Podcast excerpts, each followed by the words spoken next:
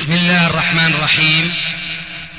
الحمد لله والصلاة والسلام على رسول الله أما بعد. فهذا أحد أشرطة سلسلة الهدى والنور من الدروس العلمية والفتاوى الشرعية لشيخنا المحدث العلامة محمد ناصر الدين الألباني حفظه الله ونفع به الجميع. قام بتسجيلها والتأليف بينها محمد بن أحمد أبو ليلى الأثري. إخوة الإيمان والآن مع الشريط الرابع والستين بعد الثلاثمائة على واحد. لا أعتقد أن أحدا يضيق معنى هذه الآية فيقول وما كنا معذبين حتى نبعث رسولا بشخصه. أي كل قوم لابد أن يأتيهم رسول بشخصه بدعوته. ذلك لأن من المعلوم أولا بالنص قوله عليه الصلاة والسلام فضلت على الأنبياء قبلي بخمس خصال وذكر فيها عليه الصلاة والسلام قوله وأنه كان النبي يبعث إلى قومه خاصة وبعثت إلى الناس كافة. قوله عليه السلام وبعثت إلى الناس كافة مع قوله تعالى وما أرسلناك إلا كافة للناس بشيرا ونذيرا وقوله وما أرسلناك إلا رحمة للعالمين.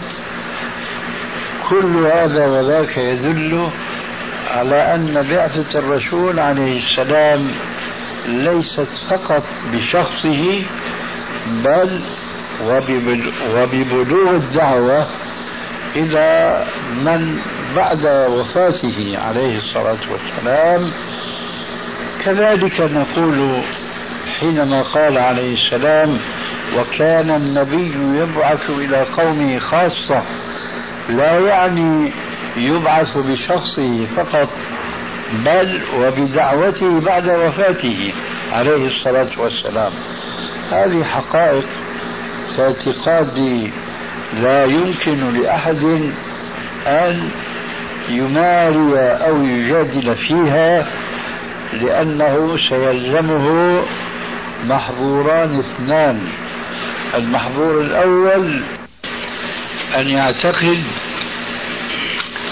أن بعثة الرسول صلى الله عليه وسلم إلى الناس كافة محصورة بالعرب الذين دعاهم الرسول عليه الصلاة والسلام مباشرة إلى الإسلام.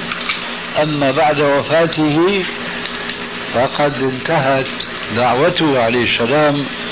وبعثته ورسالته.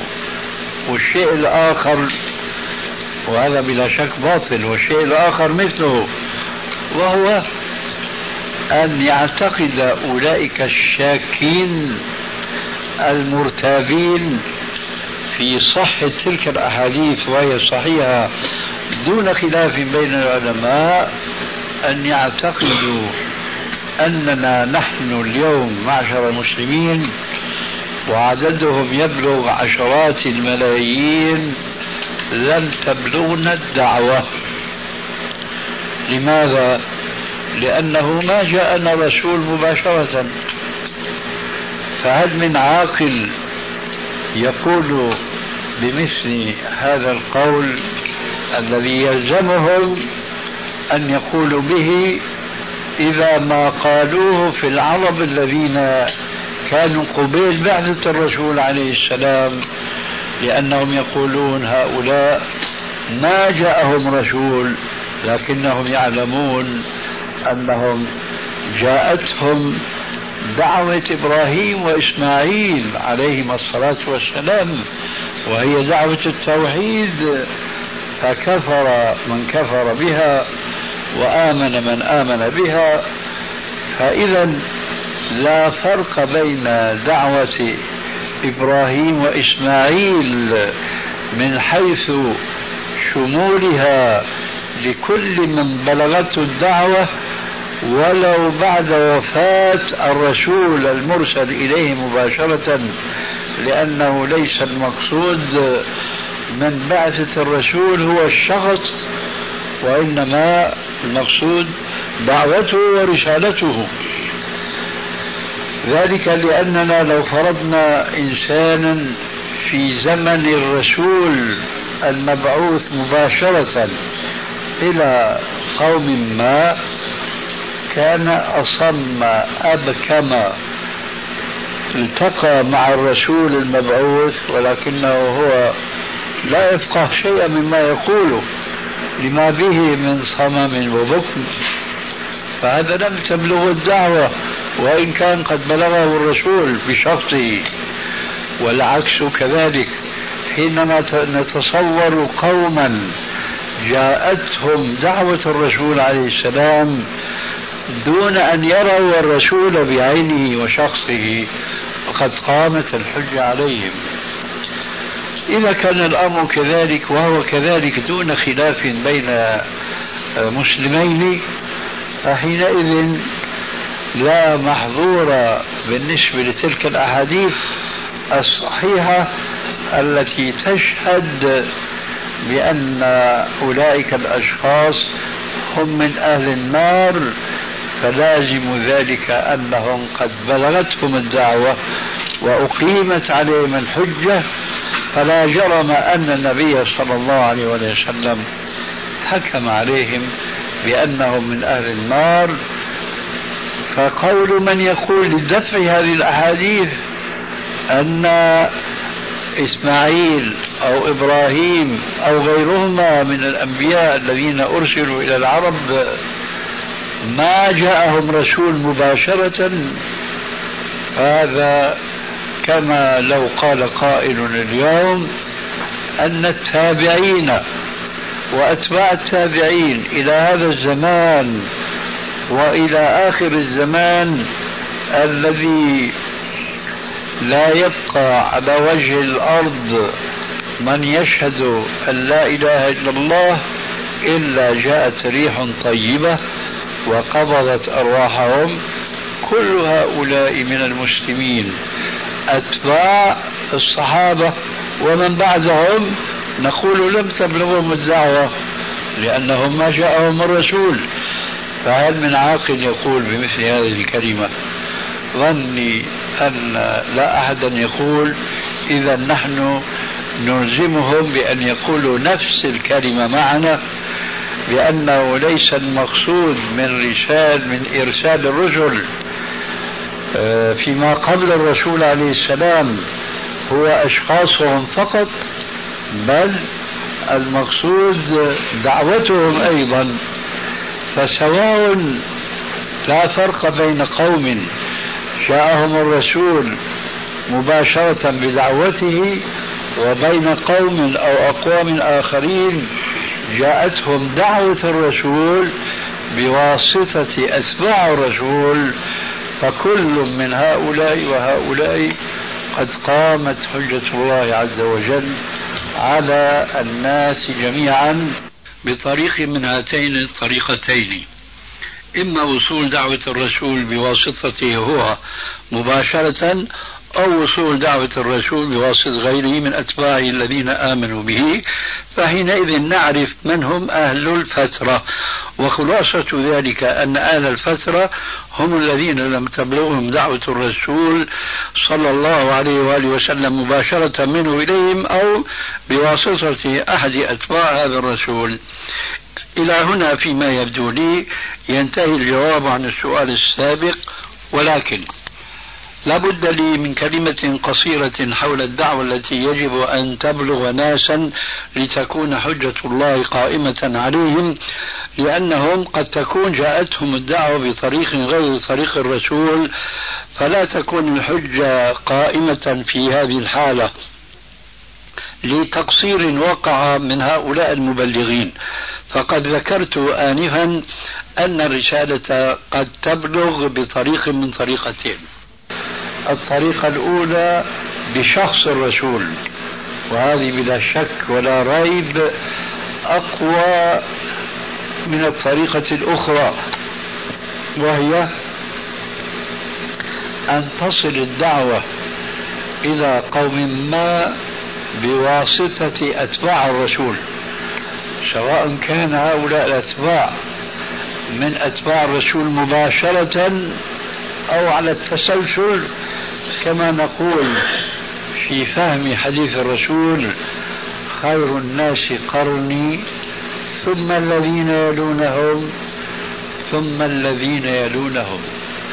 فخير الناس أصحابه عليه السلام لأنهم هم الذين أرسل إليهم الرسول مباشرة.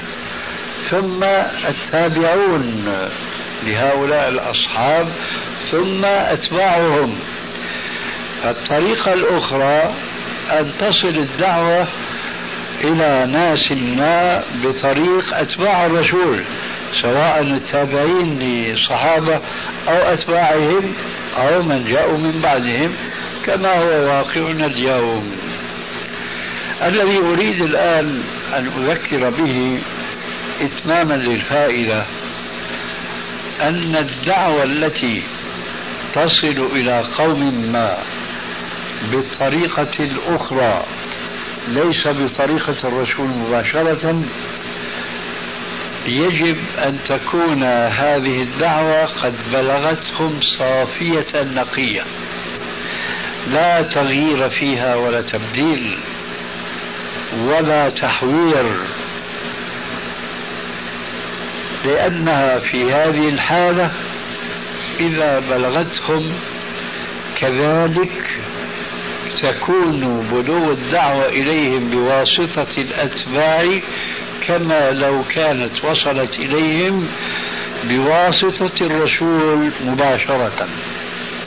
أما إذا كان الأمر على خلاف ذلك أي إن قوما ما أو ناسا ما بلغتهم دعوة الإسلام محرفة مغيرة مبدلة وبخاصة ما كان منها متعلقا في أصولها وفي عقيدتها فهؤلاء الناس أنا أول من يقول إنهم لم تبلغهم الدعوة لأن المقصود ببلوغ الدعوة على صفائها وبياضها ونقائها. أما والفرض الآن أنها بلغتهم مغيرة مبدلة فهؤلاء لن تبلغهم الدعوة وبالتالي لن تقم حجة الله تبارك وتعالى عليهم. هذا الذي أردت أن أضيفه إلى ما سبق من البيان لتتم الفائدة إن شاء الله لا شك أن الدعوة وصلت إلى كثير من الناس محرفة ومبدلة نعم. ولكن هؤلاء الناس يختلفون. ناس عرب درسوا إلى جانب هذه الدعوة المحرفة درسوا القرآن واللغة العربية بعلومها من بلاغة وبيان وإلى آخره ونحو وصرف فهموا اللغة فهما واضحا. آه يعني فهموا أيضا القرآن آه طلعوا على شيء من تفاسير السلف. هناك دعوة قائمة أيضا تؤكد المبادئ والقواعد التوحيد التي جاء بها القرآن الكريم. كل هذا يتوفر لكثير من الناس خصوصا العرب منهم. فهل نقول في هؤلاء إنهم يعني ما قامت عليهم الحجة؟ وما بلغتهم الدعوة. من يقول بهذا؟ لكن أخشى أن أخشى يتبادر فهم لكن اعكس تصل. نعم. الطرف الثاني. نعم. بلغتهم الدعوة؟ أي طرف ثاني؟ الذي يقابل هذا الطرف الذي وصفته لا لا لا لا, لا. هذا هو المهم لا أقول في هذا مثلا الآن مدرسة كالأزهر تدرس العلوم الإسلامية بلغاتها وعقائدها وتراثها وكذا وكذا. فهل نقول في هؤلاء يعني مثلا بعض المدارس الأجنبية أيضا يدرسون هذه العلوم. يدرسون القرآن وعلومه ولغته بأصنافها. فهل نقول في هؤلاء فعلا وصلوا الدعوة محرفة عن طريق الأشعرية أو غيرهم؟ لكن بقي هناك ما تقوم به عليهم الحجة من فهمهم اللغة العربية ومن فهمهم لعلوم القرآن وعلوم الحديث وتراث السلف الصالح.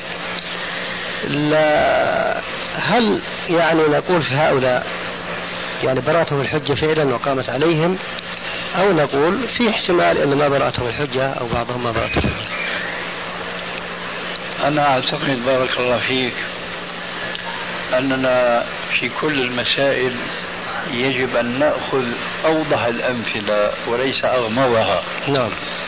فالآن لنقل عن المسلمين العاجم.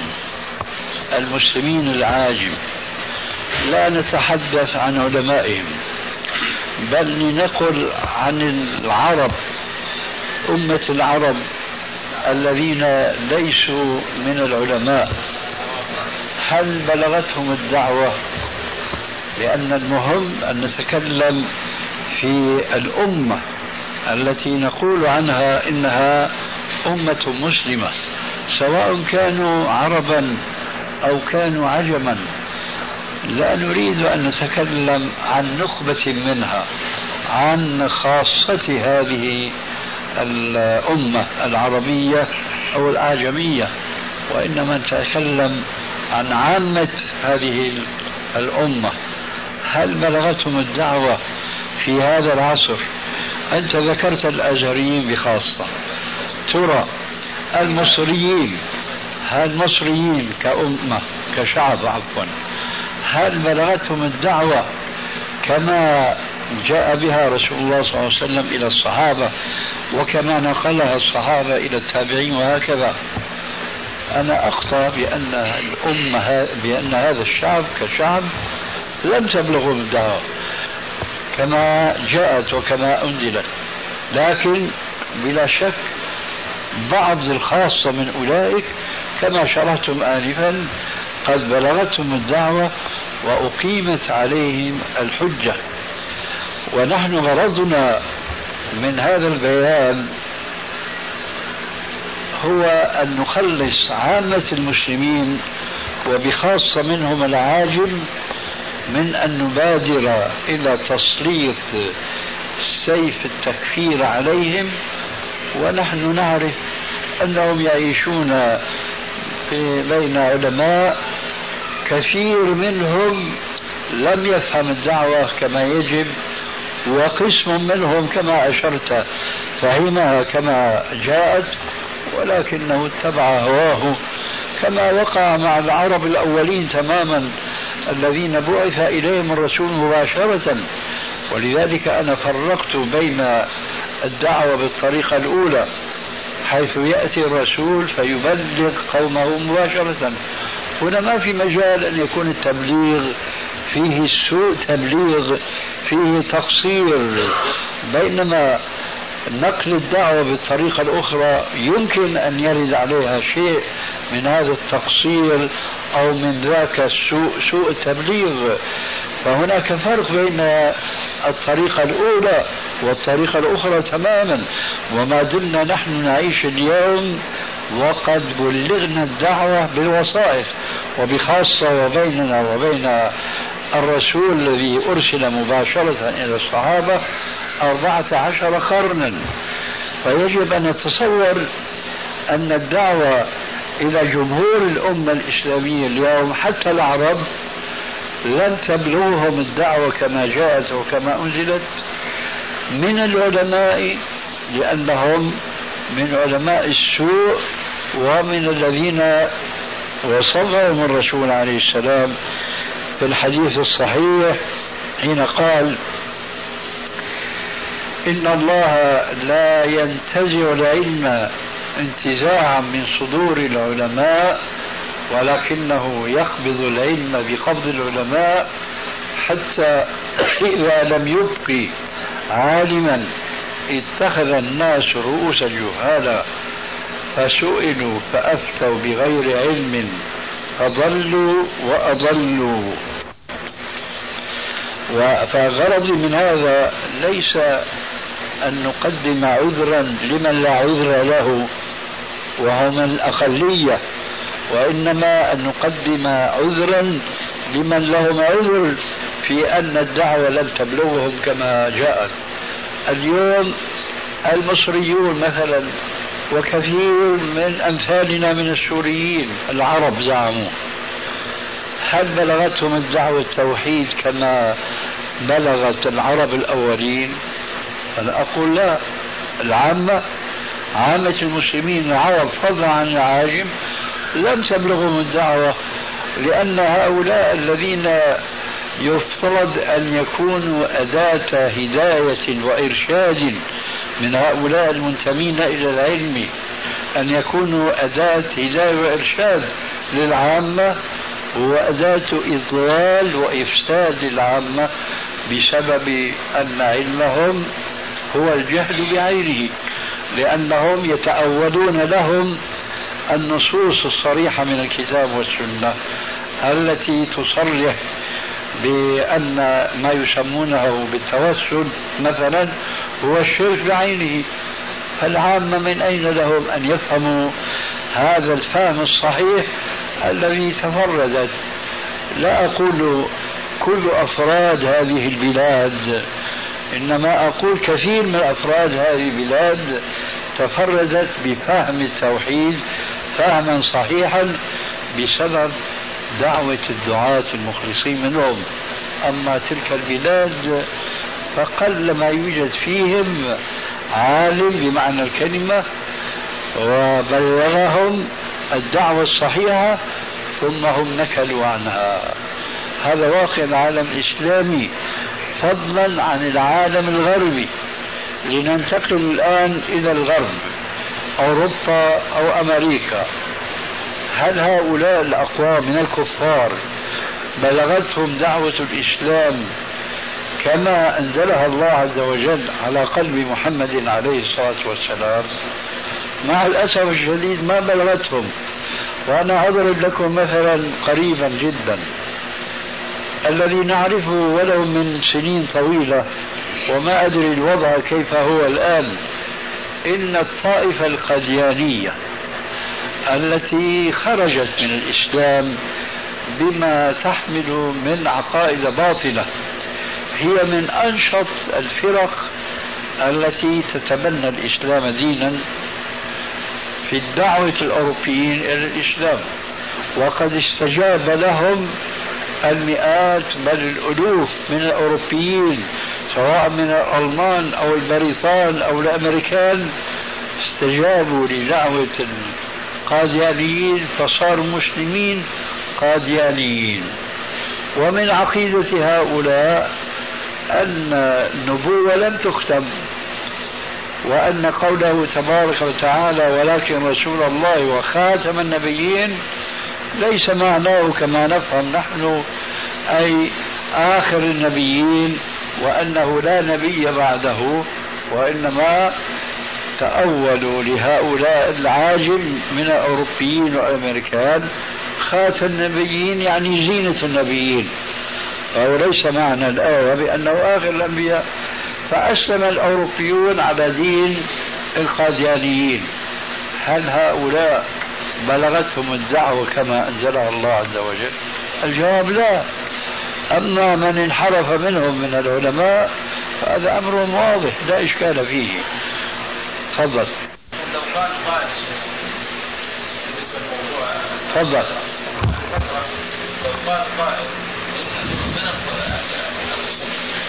نفس المقالة هذه التي نحن نقولها أن مشركي العرب ما بلغتهم الدعوة كما جاء جاءت عن الرسول السابق. أليس له الحق في ذلك؟ لا ليس له الحق في ذلك. أولا هذا القول ليس هي المشكلة. المشكلة هي في العرب الأولين ليس في العرب الآخرين. مشكلة أولئك الذين سميتهم بالخصوم هو ردهم للأحاديث الصريحة التي ذكرنا آنفا بعضها. أنا عارف أقول أنت والد النبي ووالدته أنت ما. الخرافيين يقولون انهم أنهم ما يمكن أن يكونوا في النار. لماذا لا نقول نحن أمة كلفنا بأن نؤمن بالغيب؟ والله امتدحنا بالإيمان بالغيب. فنحن نقول أن الله سبحانه وتعالى هو أعلم بماذا؟ بعباده. ويعلم بأن والد النبي ووالدة النبي وكل من كان من أهل الفترة وأخبر الله نبيه أنه من أهل النار أنه يستحق ذلك حتى ولو بعث إليه نبي ما يمكن أن نؤمن به. ونرتاح من هذه الأشكالات حتى لا, لا يرد علينا أي شيء. ولا نمسك أي ممسكه ما فهمت عليك. ما فهمت عليك كثيرا مما تقول. نعم. أنا أقول الذين يقولون أن أهل الفترة هؤلاء أهل الفترة هؤلاء ما يمكن يعني أن بعض أهل الفترة ممن أخبر النبي صلى الله عليه وسلم عنهم بأنهم في النار هؤلاء ما بلغتهم الدعوة. نحن انتهينا من هذا. قلنا من لم تبلغهم الدعوة فهم غير معذبين. ولكن هل كل أهل الفترة لم تبلغهم الدعوة؟ لا أنا ما أقول أقول أقول عن هؤلاء بخصوص بارك الله فيك. ما. ما أسألك أنت. نعم. أسأل عن أولئك الناس. هل يعتقدون أن كل أهل الفترة ما بلغتهم الدعوة أم بعضهم بلغتهم وبعضهم لم تبلغهم. أنا أسألك أنت عنهم. مش ما تقول أنت.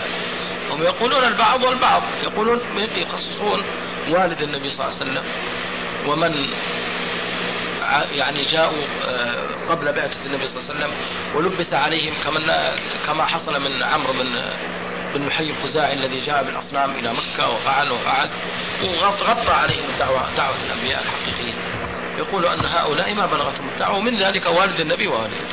نقول لهم والد النبي ووالدته وردت النصوص الصحيحة التي تبين ونحن أمة آمنا برسول الله صلى الله عليه وسلم وإذا أخبر الرسول صلى الله عليه وسلم بأمر لا يمكن أن نقول عن الأمر الذي يخبر به النبي صلى الله عليه وسلم أن هذا الأمر يعني فيه كذا أو فيه ما ما ما يوحي بأن هؤلاء بلغتهم أو ما بلغتهم. علينا أن نسلم بأننا مسلمين. طيب أنت تتكلم عن من يا شيخ؟ أنت تتكلم عن الذين اسمح لي نعم. أنت تتكلم عن أولئك الذين يؤمنون بصحة هذه الأحاديث؟ خرافية أم الذين ينكرونها؟ لا يؤمنون بها ولكن ينكرونها يقولون أن الأحاديث هذه واردة صحيحة لكن أرجوك أن تجيبني. نعم. هل تتكلم عن الذين يؤمنون بهذه الأحاديث ويصدقون بها فيقولون كما قال عليه السلام أبي في النار؟ أم أنت تتحدث عن غير هؤلاء الذين ينكرون هذه الأحاديث؟ أنا أتكلم عن عن عن من من يقول بها ثم يحرف ويقول الأب المراد به العم لانهم يؤولون يقول ال- وال- والعم أصلا والأب. هم يقولون نحن نقول النبي صلى الله عليه وسلم قال بأن والده في النار لكن الأب هنا ما يراد به الأب. الآن خرجت عن إنما الصدد. يراد به العم. الآن بارك الله فيك خرجت عن الصدد الآن دخلت في موضوع تأويل الحديث. إيه نعم. طيب نحن أتينا بأحاديث أخرى. صريحة الدلالة بأن بعض من مات في الجاهلية يعذبون في القبر. نعم. طيب هؤلاء كيف يؤولون هذه الأحاديث؟ إلا بالتسليم بأن هناك في العرب من بلغتهم الدعوة ولذلك عذبوا. فنحن الآن ما نريد أن ندخل في متاهات تخرجنا عما كنا في صدده والرد عندنا واضح. لكن ما بين أيدينا الآن شخص يقول أنا أؤمن بأن النبي صلى الله عليه وسلم قال إن أبي وأباك في النار. لكن أنا أتأول الأب هنا بمعنى الأب بمعنى العم فحينئذ نبدأ ونرد عليه. لسنا في هذا الصدد. سنقول وكيف تفسر حديث الأم؟ واستأذنت ربي في أن أستغفر لأمي فلم يأذن لي. لعله يقول باحاديث يقول إنه ما مات موضوعه ومكتوبه ما ما مات النبي صلى الله عليه وسلم حتى أحيا الله له طيب هذا هذا هذا موقف المسلم؟ هذا ما موقف مسلم بس أنا أقول مثل امثال هؤلاء آه. كيف نرد عليه؟ أريد أن تزيد هذا الذي ما سبق كيف نرد عليهم الآن أتينا بأحاديث صريحة بأن بعض من مات في الجاهلية معذب. إي نعم. إيه، أي. نرد بالايمان بالغيب ننتهي هل يؤمنون بها؟ هل يؤمنون بها؟ يجب عليهم أن يؤمنوا بالغيب. والا هم خرجوا من فهو يا أخي. بارك الله فيك. أنت بتقول يجب عليهم. نحن مو هذا موضوع خلاف. نسأل عن واقعهم. هل هم يؤمنون بها؟ أم يدفعهم؟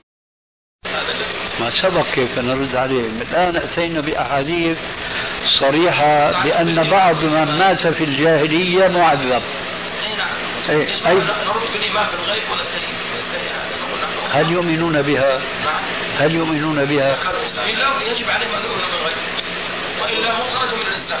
يا الذي لا أخي. يؤمن بالغيب فهو مسلم يا أخي بارك الله فيك. أنت بتقول يجب عليهم. نحن مو هذا موضوع خلاف. نسأل عن واقعهم. هل هم يؤمنون بها؟ أم يدفعهم عاطفتهم الجامحة التي لا تقف. نعم.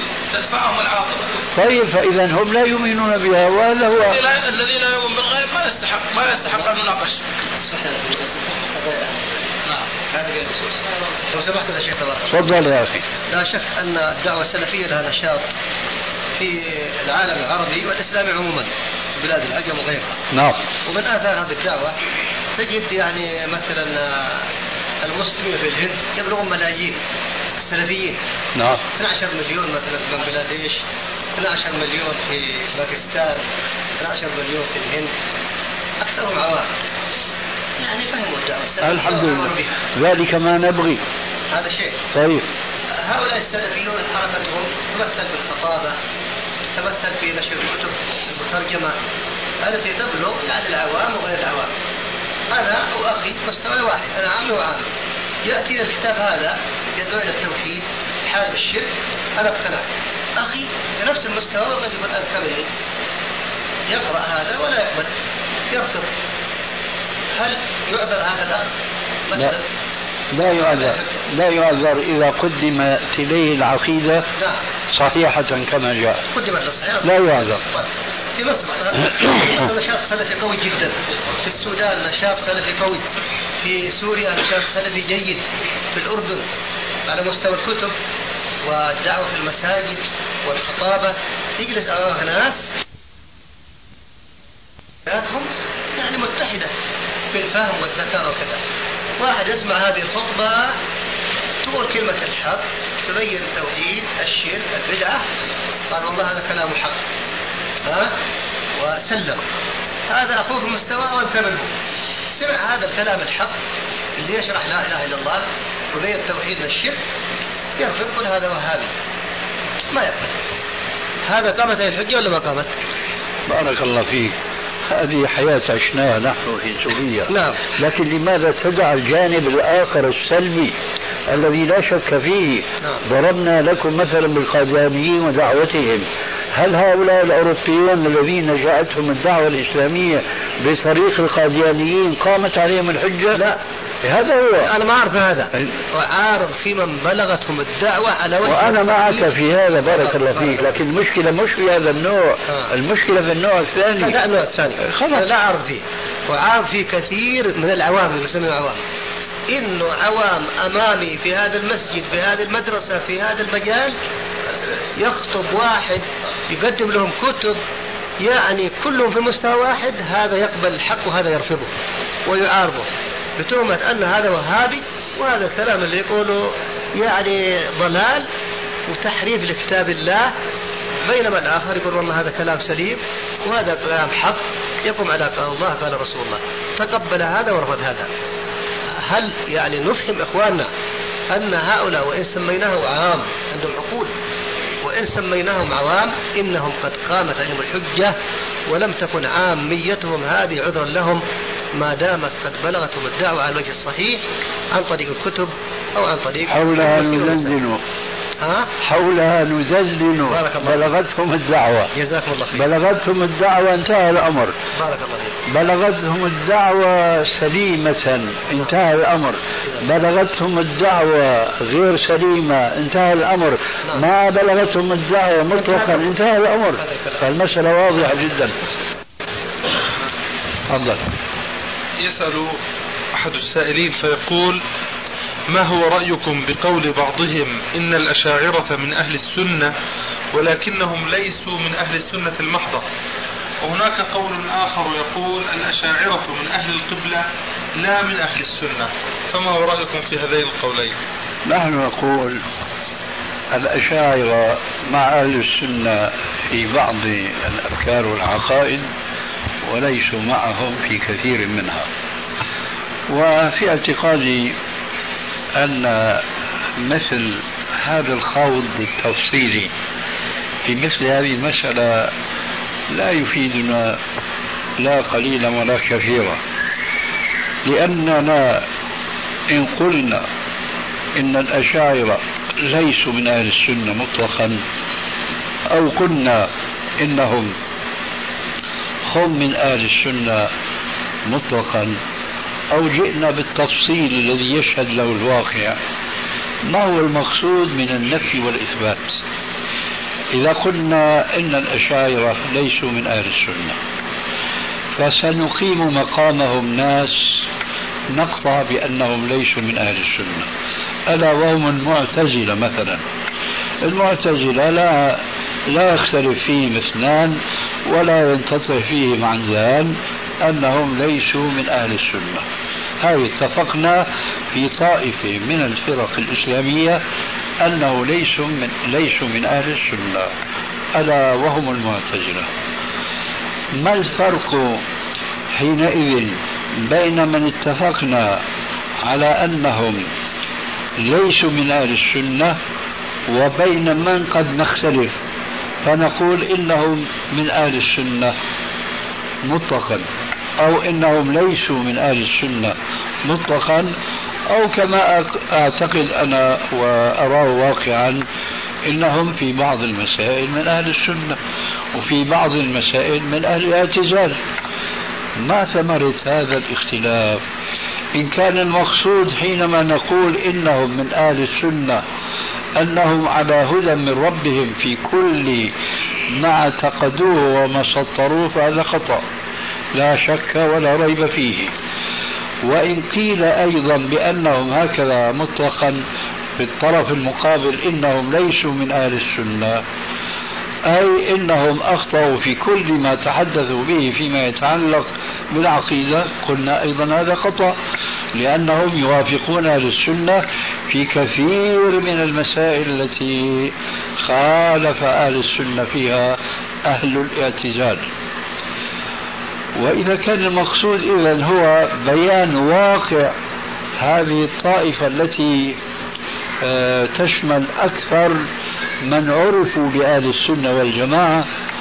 إذا كان المقصود هو تعريف المسلمين بعامة عن واقعهم قربهم وبعدهم من أهل السنة حقا فعلينا أن نقول بالتفصيل الذي يشهد له الواقع إنهم مع أهل السنة في كثير من آه، إيمانهم بأحاديث الصفات وآيات الصفات وإنهم ليسوا معهم في كثير من آيات وأحاديث صفات أخرى.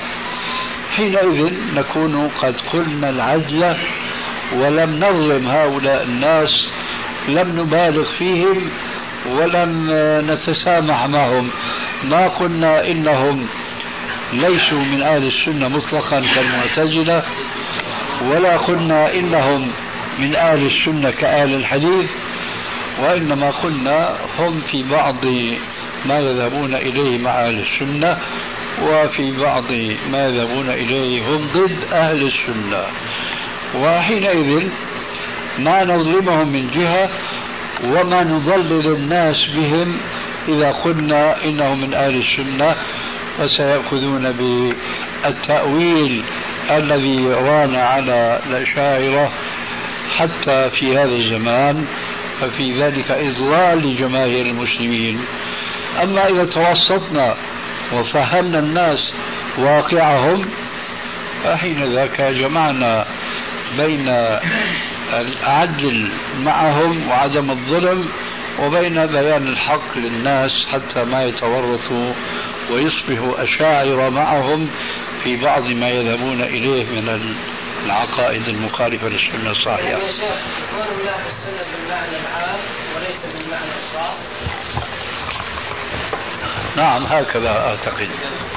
نعم. كان دقيق لما قال ليسوا من أهل السنة المحضة. آه كويس. هذا دقيق يا شيخ. جميل نعم. يسأل سائل آخر فيقول. تفضل. لا شك إذا نظرنا إلى الشريعة العقيدة في الله تبارك وتعالى واليوم الآخر وخلق القرآن وما شاكل ذلك. إذا نظرنا من هذه الزاوية الأشعرية ممكن أن نصنفهم بأنهم يشاركوا أهل السنة في كثير من الأشياء ويخالفون في الأشياء المعروفة. لكن المصيبة والبلاء الذي دها الأشعرية أن كثيرا منهم اعتنقوا المذاهب الصوفية. فأنا أرى أن كثيرا من الأشاعرة الذين تصوفوا على طريقة ابن عربي على طريقة التيجاني في العصر الحاضر على طريقة البريلوية في نظري أنهم أخس من الخوارج والمعتزلة. ولا يجوز أن يحسبوا إذا كانوا بهذه الحالة من الغلو في التصوف الذي فيه أن الأولياء يعلمون الغيب يتصرفوا في الكون يستغاث بهم إلى آخره. إذا ضموا إلى أشعريتهم هذه البدع الخبيثة ففي نظري هم شر من المعتزلة والخوارج ولا يجوز أن ينسبوا إلى السنة بحال من الأحوال والله أعلم.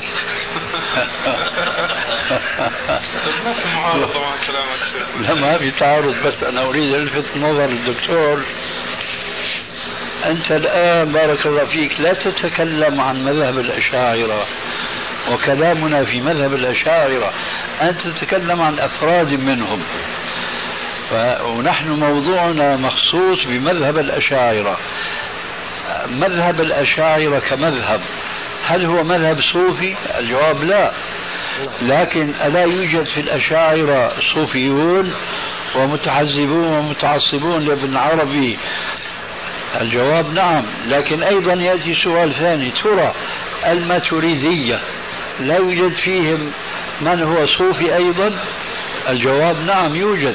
لكن هل من مذهب الماتريدية في العقيدة التصوف؟ الجواب لا. فإذا يجب أن نحدد الكلام. حينما نتحدث عن مذهب طائفة من المسلمين نصفه بما فيه أما أفراد من المسلمين هؤلاء لهم انحرافات أخرى لا نقول هذا مذهب الطائفة التي ينتمي إليها. يعني مثلا الآن ألا يوجد في من يدعي السلفية يرتكب مخالفات شرعية؟ بلى. لا لابد أنه يوجد شيء من ذلك. لكن ارتكابهم لمثل هذه المخالفات لا يصح أن ينسب إلى المذهب السلفي. لا بس السلفي لا يتدين بهذا الباطل الذي يرتكبه يرى أنه فسق وحرام صحيح صحيح. هذا يتدين بهذه الطرق الضالة على أنها دين. هو بارك الله فيك القصد يعني هل هذا مذهب أم هذا تصرف فرد من الأفراد أو أفراد؟ لا صارت مذاهب. صار التصوف مذاهب لا نتكلم عن التصوف. نتكلم عن الأشعرية كمذهب. هل هو صوفي؟ الجواب لا. أما هل يوجد في الأشاعرة متصوفة؟ نعم يوجد. نعم. هذا هو ينبغي التفريق أنا أقول إن هذه التساؤلات منشأها أن بعض الناس يجمعون هذه الجماعات ويريدون أن يعدوهم أهل السنة ولو كانوا صوفية. ويقول إن هذه الجماعة الأشعرية عندنا يعني هم من أهل السنة فلا تتكلموا عليهم الكلام يفرق ويمزق ويضيع المسلمين. شوف يا دكتور يريدوا أن يصبغوا يعني هؤلاء بصفة أهل السنة لا دون أن يعني يتركوا مجالا للناقد والمتكلم والداعي إلى أن عندهم. بارك الله فيك خلينا نقول كلمة سواء. الآن هل يصح أن نقول إن المتصوفة من أهل السنة يقول لهم أهل السنة لا ليسوا من نحن هل يجوز لنا أن نقول عن المتصوفة إنه من أهل السنة العرف يعني المعروف عند المسلمين أن الصوفية هم مذهبهم مذهب أهل السنة في كثير من الصوفية عدهم ابن تيمية عدهم من أهل السنة مثل جنيد بتكلم عن وكثير. الجماعة ما بتكلم عن أفراد آه. بتكلم عن الجماعة الصوفية. مذهبهم مذهب أهل السنة؟ الجواب لا. لا. أما يوجد أفراد متمسكون منهم بالسنة ممكن أن يوجد هذا. كذلك الأشاعرة. هل الأشاعرة كمذهب هو من مذاهب أهل السنة أم لا؟ الجواب قلنا آنفا. هم في بعض ما يذهبون إليه يوافقون أهل السنة وفي البعض الآخر يخالفون أهل السنة ويلتقون مع المعتزلة. أما أن يوجد في هؤلاء الأشاعرة صوفية هذا تصرف شخصي وليس هو تبني مذهبي ليس من مذهب الأشاعرة هذا إنما هو أمر يطرأ على الأفراد كما قلنا آنفا. أن بعض السلفيين يتصرفون بتصرفات تخالف الشريعة فما نقول هذا مذهب السلفيين انما هذا تصرف أفراد منهم. الشيخ الآن هذه أمور منهجية ما هي تصرفات أفراد. الآن لا تجد مثلا في ديوبندي أو بريلوي إلا وهو صوفي. هذا الشيخ عبد الصمد والإخوان يعرفونه. لا تجد مثلا في المغرب غير سلفي إلا وهو على طريقة أشعري صوفي في نفس الوقت. يعني نادر من ينجو من حبائل الصوفية من الأشعرية. الشيخ بارك الله فيك إلا النادر في الفقه الحنفي أن الصوفية إذا ذكروا الله في مكان وجب حصر هذا المكان أيوة. وإخراج التراب إلى الخارج. هؤلاء أحناف. هؤلاء ماتريدية نعم. ومع ذلك فهم ضد الأشاعرة. وقال قائلهم عفوا ضد الصوفية. الصوفية. أي نعم. وقال قائلهم أي نعم. أي أي جيل ابتداع شر جيلي؟ أفل أيا جيل ابتداع شر جيلي؟ لقد جئتم بأمر مستحيل. أفي القرآن قال لكم إلهي كلوا مثل البهائم وارقصوا لي وأحد هؤلاء الحنفية وهو الشيخ محمد إبراهيم الحلبي ألف رسالة في الرد على هؤلاء عنوانها يغنيك عن مضمونها الرقص والوقص لمستحل الرقص. ويعني الذكر. فهؤلاء أحناف وهم يحاربون الصوف الصوفية أشد محاربة. لكن يوجد منهم من هو صوفي. أنا بقول لك يوجد لكن ليس مذهبا لهم والدي مثلا حنفي مع الأسف متعصب وربما بلغكم ما كان يقع بيني وبينه لكن ما كان صوفيا. كان عنده انحرافات طبعا آه، تميل إلى البدعة وما شابه ذلك لكن ما كان صوفيا. فإذا هذه تصرفات فردية وليست نابعة من نفس المذهب. من كان أشعريا فلا بد أن من لوازمه أن يؤول مثلا الرحمن عشر استوى. هذا مذهبه. لكن من كان أشعريا ليس بالضروري أن يكون صوفيا لأن هذا ليس من لوازم المذهب. شيخنا أحد الإخوة يعقب نعم. حول موضوع الأشاعرة. أهل السنة يقول يذكر الشيخ سفر الحوالي في رسالته مين؟ من الشيخ سفر الحوالي. في رسالته منهج الأشاعرة في العقيدة أنهم لا يوافقون أهل السنة تماما إلا في الصحابة والإمامة ثم الاختلاف في الباقي كثير. فما هو رأيكم؟ هذا الحصر والاستثناء ليس بصحيح. ليس بصحيح. أليس يوافقون أهل السنة في الإيمان بصفة العلم مثلا والسمع والبصر؟ لا يشاركون أهل السنة في الإيمان بهذا خلافا المعتزلة هي يقول لا يثبتونه كما يثبت أهل السنة ويدلل على ذلك الشيخ من كتبهم. يقول لا يثبتون ما يثبتونه مثل إثبات أهل السنة. ماذا يقولون في العلم الإلهي؟ هو ما الفرق بين الأشاعرة هو دلل في وبين أهل الحديث؟ نعم. هو دلل في رسالته على ما كان يقول. وحصر أن موافقته من كل وجه لأهل السنة في هاتين القضيتين. شيخ ألا يقال أنه شايف؟ يقولون عليم بلا علم وسميع بلا سمع يعني ما يوافق نفس العلم الذي يقول به أهل السنة لا يقول به الأشاعرة. ولا يقال أن قضية العلم هي مسألة فرعية مندرجة تحت أصل الصفات وهم في أصل الصفات بشكل عام يخالفون أهل السنة. في أصل عام باب الصفات. لكن هل لا يمنع هذا أن يوافقوهم في جزئيات كإثبات العلم مثلا أو شيء من هذا؟ هذا الذي نقول يقولون بالوجود ويقولون لا فوق ولا تحت وليس في مكان. ولا يحوي مكان وهو خارج عن مكان أليس هذا قول الأشاعرة؟ تقصد المعتزلة أشاعرة يقولون لا لا ما هو العلم الوجود. ويقولون أن الله سبحانه وتعالى بالنسبة الذي فهمته يا شيخ من كتاب قراءتي لكتاب الشيخ أنه يقول لا بد وأن يوجد عندهم ما يخالف آه، طريقة أهل السنة والجماعة في إثبات تلك القضية. فهم قد يتفقون معهم من وجوه أو من وجه ويختلفون في بعض التفصيلات مما يجعلهم لا يكونون مثل أهل السنة والجماعة في إثبات ما يثبتون إلا في هاتين القضيتين. ما قلنا غير هذا. ما قلنا غير هذا. ما قلنا إنهم مع أهل السنة. في كل ما عليه أهل السنة. ولا قلنا أيضا إنهم يخالفون أهل السنة في كل ما عليه أهل السنة. الذي أقصده الذي أقصده أن الشيخ والصحابة. الذي يقصده أن الشيخ يقول تتبع.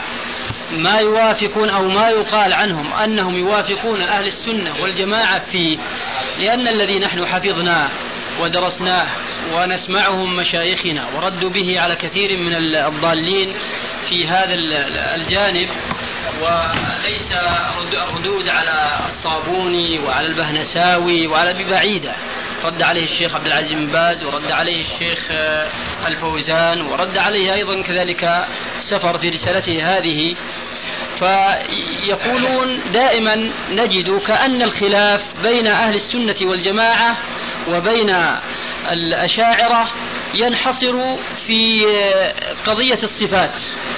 الشيخ جاء وقال إنني تتبعت عقيدة الأشاعرة فوجدتهم لا يتفقون تماما مع أهل السنة إلا في هاتين القضيتين. إذا ليس في الصفات فقط يعني في أصول الإيمان في أمور أخرى يعني بل في جميع الأمور إذا وافقوا أهل السنة والجماعة من بعض الوجوه فهم يختلفون معهم. إلا في هاتين القضيتين فهم متفقون تماما مع أهل السنة والجماعة. مش مسلم بهذا الكلام. بهذا الحصر إلا في المسألتين هذول. ألا, ألا, ألا تعتقدون بأن الأشاعرة يؤمنون بالإرادة الإلهية؟ ويقول لا يثبتونها كما يثبتها أهل السنة والجماعة إذا هم يختلفون هذا واحد عندهم يا شيخ نعم. واحدة قديمة واحدة قديمة. الله ما هو مريد. الله ما هو مريد. الله لا يريد الله. لا يريد الآن أنا عطلوه جمدوه بس إرادته هذه أزلية تعلم بجميع الأشياء. فالآن إذا أراد شيء يكون يكون فيكون ما يحصل يكون ولا يكون ولا إرادة جديدة حتى القرآن يا شيخ يعني يقول كلامه إلى أنه يعني هذا يا شيخ هذا معروف يعني هذا لا مخلوق يعني. هذا الحروف هذا الحروف معروف اعتقادهم في الكلام الإلهي أنهم يؤولون بالكلام النفسي وفي الحقيقة يلتقون مع المعتزلة. هذا ما في إشكال في هذا. لكن أنا بحكي هذا الحصر يعني صعب الشيخ يبنيها على الاستقراء ومن واقع على الاستقراء ومن واقع كتبهم حيث أنه إذا قيل أن الأشاعرة يوافقون أهل السنة نظر في هذه الموافقة فيجد لهم مخالفة فيها. إلا في هاتين المسألتين فهم يوافقون أهل السنة والجماعة تماما. والشيخ آه، هذا البحث الذي طبع منهج الأشاعرة تحت عنوان منهج الأشاعرة في العقيدة في الكويت هو ضمن رسالته في الدكتوراه. وربما يتوسع فيه هناك آه، أكثر مع أنه قد بحث القضية بإسهاب في في في كتابه هذا يعني الذي هو منهج الأشاعرة في العقيدة. فممكن الرجوع إليه والرجوع إلى المصادر التي هو رجع إليها أيضا الشيخ لأن الشيخ استقرأ ودرس. والذي حمله على أن يفرد هذا البحث وأن ينشره في الواقع الردود التي جرت بين المشايخ وبين الصابوني. حيث أنهم حصروا الخلاف في الصفات. فالشيخ استقرأ وأتى بأشياء أخرى في الإيمان في الرو في أشياء كثيرة وأنهم وإن كانوا يوافقون أهل السنة والجماعة لكن عندهم مخالفات. كما أشرتم قبل قليل وأشار الإخوان على أنهم وإن أثبتوا العلم لهم مخالفة مع أهل السنة والجماعة. لا يوافقونهم فيثبتون العلم كما يثبته أهل السنة والجماعة وفق النصوص الشرعية من الكتاب والسنة. المهم أنه لا خلاف بأن الأشاعرة خالفوا أهل السنة في كثير من الأمور. لكن بهذا التحديد وبهذا الحصر صعب الاعتقاد به.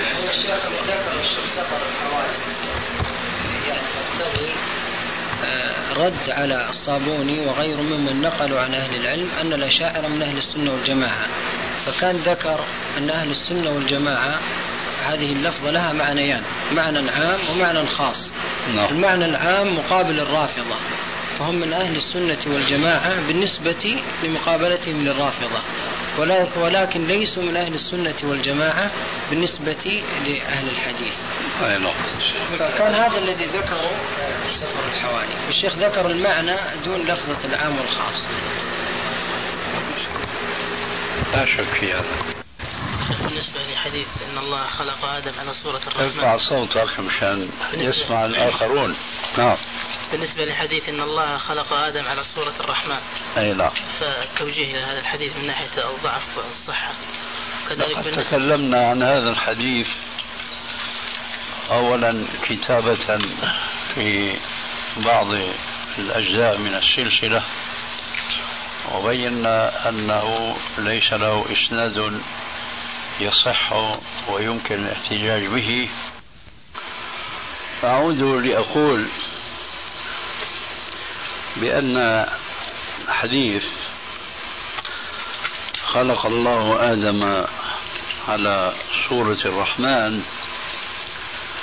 لا يوجد له إسناد بلفظ على صورة الرحمن تقوم به الحجة.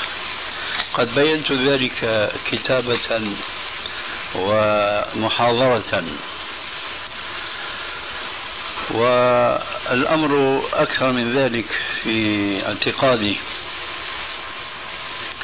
لأن الحديث هذا مع ضعف إسناده مخالف من حيث الرواية للحديث الصحيح المتفق عليه بين الشيخين حيث روياه بالسند الصحيح بطبيعة الحال بلفظ خلق الله آدم على صورته.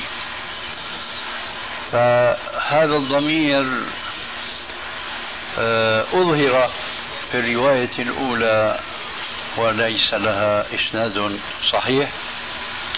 وحين ذاك فالقواعد العلمية الحديثية آه، تضطرنا إلى أن نرد هذه الزيادة التي تحدد أن مرجع الضمير وعليكم السلام ورحمة الله وبركاته. وبياك فإذا عرفنا أن الحديث الصحيح روي بلفظ خلق الله آدم على صورته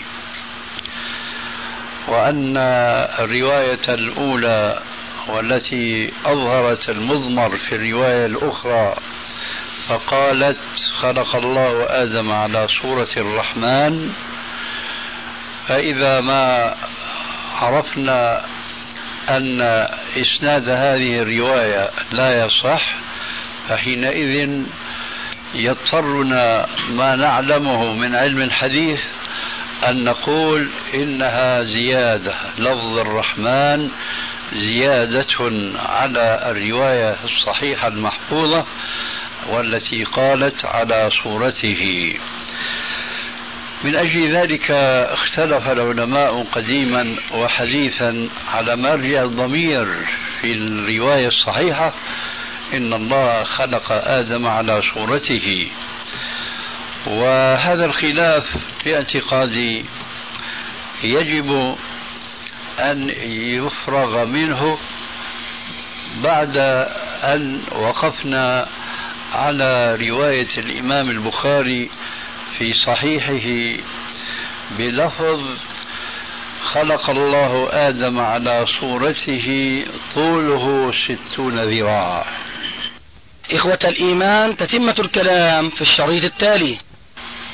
بعد أن وقفنا على رواية الإمام البخاري في صحيحه بلفظ خلق الله آدم على صورته طوله ستون ذراعا. فتكون رواية البخاري الصحيحة مفسرة مبينة للرواية الصحيحة الأخرى وهي قوله عليه الصلاة والسلام خلق الله آدم على صورته. فمرجع الضمير في صورته اتضح في رواية الإمام البخاري بلفظ خلق الله آدم على صورته طوله ستون ذراعا. لأن هذا الوصف